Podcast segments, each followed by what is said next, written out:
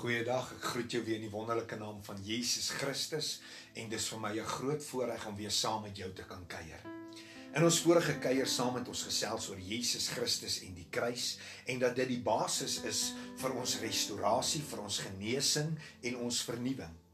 Ons het ook verklaar dat dit 'n antwoord bied vir ons verlede, vir die hede en vir die toekoms. Maar vandag wil ek met jou gesels rondom die gedagte van ken jy hom? Ken jy hom? En kom ons begin sommer by die begin.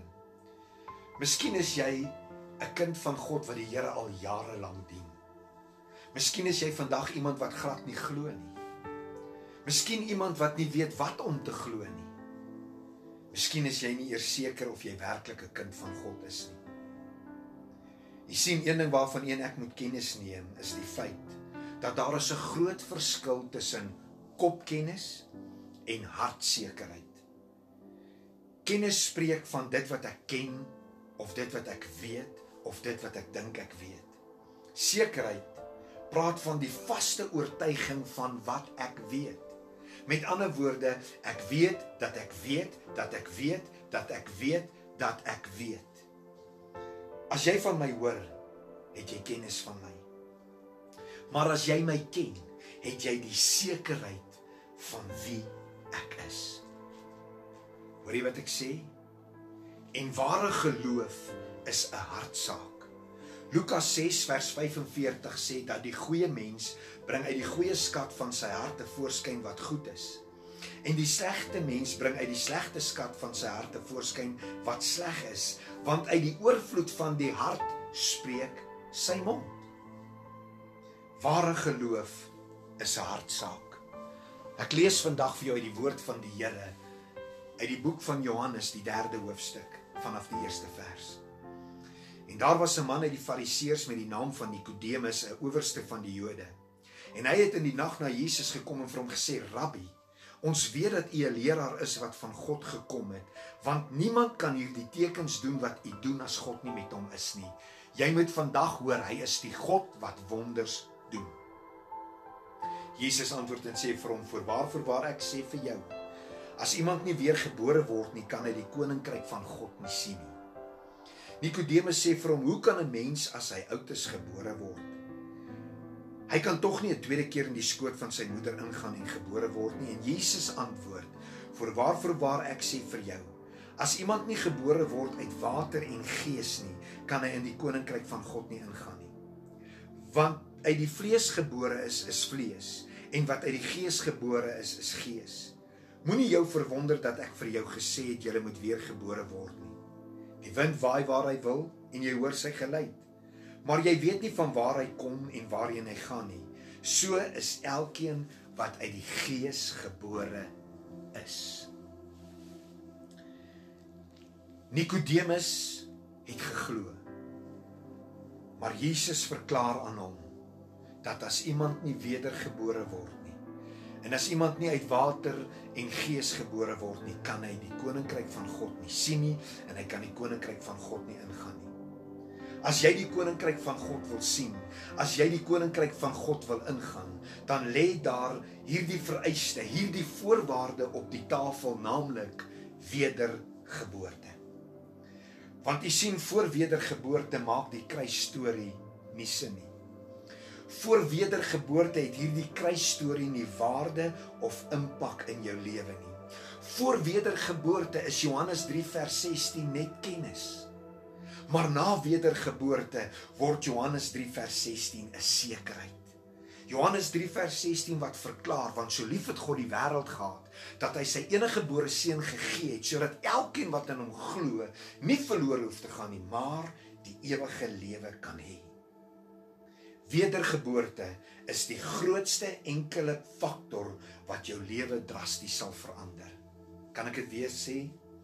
Wedergeboorte is die grootste enkele faktor wat jou lewe drasties sal verander. En ek wonder, smag jy na 'n drastiese verandering in jou lewe? Dalk roep jy uit en sê ja, ek doen. Maar ek het so hard geword. Ek het al so seer gekry in my lewe. Ek is al soveel keer teleurgestel. My hart het al so hard geword soos 'n klip. Ek het 'n probleem om te vertrou as gevolg van die hardheid van my hart. Ek het 'n probleem om te glo as gevolg van die hardheid van my hart. Ek het vir jou hoop. Jesegiel 36 vers 26 sê en ek wil julle 'n nuwe hart gee en 'n nuwe gees in julle binneste gee en ek sal die hart van klip uit julle vlees wegneem en ek sal julle hart van vlees gee. God wil vermoere jou harde hart kom verander. God wil hierdie hart van klip vat en hy wil dit 'n hart van vlees maak. En buite die feit dat hy vandag jou hart wil kom verander en genees, wil hy ook sy trooster vir jou gee. Jy het reg gehoor. Sy trooster, sy Heilige Gees. Jesegiel 36:27 sê en ek sal my gees in julle binneste gee en sal maak dat julle in my insettinge wandel en my verordeninge hou en doen. Johannes 14 vers 6 sê die volgende En ek sal my Vader bid en hy sal vir julle ander trooster gee om by julle te bly tot in ewigheid die gees van die waarheid wat die wêreld nie kan ontvang nie omdat dit hom nie gesien het nie en hom nie ken nie. En dit begin by wedergeboorte. Die woorde van Jesus aan Nikodemus en aan jou en aan my. As iemand nie gebore word uit water en gees nie, kan hy die koninkryk van God nie ingaan nie. Dit is hierdie Heilige Gees wat jou die waarde wil laat besef van dit wat Jesus Christus vir jou en vir my aan die kruis gedoen het. Dit is hierdie Heilige Gees wat vir my en vir jou die waarde wil laat besef wat hy vir jou en vir my kan en wil en sal doen. Johannes 16:13 sê: "Maar wanneer hy gekom het, hierdie Gees van die waarheid, sal hy julle in die hele waarheid lei." Want hy sal net homself spreek nie, maar alles wat hy hoor, sal hy spreek en hy sal aan julle die toekomstige dinge verkondig.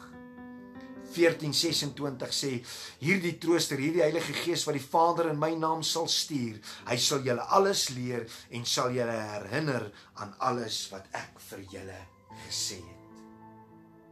Ken jy hom? Wil jy hom ken? Dan moet jy eers by wedergeboorte begin. Jy sien dit is belangrik dat jy sal verstaan dat ons sonde het 'n kloof en 'n muur tussen ons en God gebring. Jesaja 59 vers 1 sê: "Kyk, die hand van die Here is nie te kort om te help nie, en sy ore is ook nie te swaar om te hoor nie. Maar julle ongeregtighede het 'n skeidsmuur geword tussen julle en julle God. Julle sondes het sy aangesig vir julle verberg sodat hy nie maar daar is hoop. Jesus aan die kruis het hierdie kloof oorbrug. Hy het hierdie skeidsmuur afgebreek tussen ons en God deur sy kruisdood. Met sy bloed het hy vir jou en vir my sondes betaal. Ja, hy het dit vir jou ook gedoen. Al wat dit vandag van jou en van my vra is om te glo. Hebreërs 11 vers 1 sê geloof is 'n vaste vertroue op dit wat ons hoop, 'n bewys van dit wat ons nie sien nie. Hebreërs 11 vers 6 sê dat hy wat tot God gaan, moet glo dat hy is en 'n beloner is van die wat hom soek. U sien ons ontvang alles wat Jesus vir ons vermag het aan die kruishout van Golgotha deur geloof. Ons ontvang wedergeboorte deur geloof. Ons ontvang genesing deur geloof. Ons ontvang vrede en seën deur geloof. Ons ontvang die Heilige Gees deur geloof. En wat van jou geloof? Is jy bereid om hom te glo? Is jy bereid om hom te glo? God het sy seun gestuur nie om hierdie wêreld te veroordeel nie, maar dat die wêreld deur hom gered kan word. 1 Johannes 1 vers 9 sê as jy jou sondes bely, is hy getrou en regverdig om jou van alle ongeregtigheid te vergewe. Johannes 1 vers 12 aan almal wat hom aangeneem het, aan hulle het hy mag gegee om kinders van God te word, aan hulle wat in sy naam glo. En hierdie mag praat van om die toestemming te hê, om die vermoë te hê, om die gesag te hê. Met ander woorde, die toestemming om sy kind te wees, die gesag om sy kind te wees, die vermoë om sy kind te wees. Maar dan moet jy dit aanneem. En wanneer ons van aangeneem praat, dan praat ons van om te aanvaar dit wat aangebied is, om te aanvaar dit wat gegee is, om dit jou eie te maak. Wil jy hom nie vandag jou eie maak nie? Wil jy hom nie vandag die geleentheid gee nie? Sodat jy die sekerheid in jou hart kan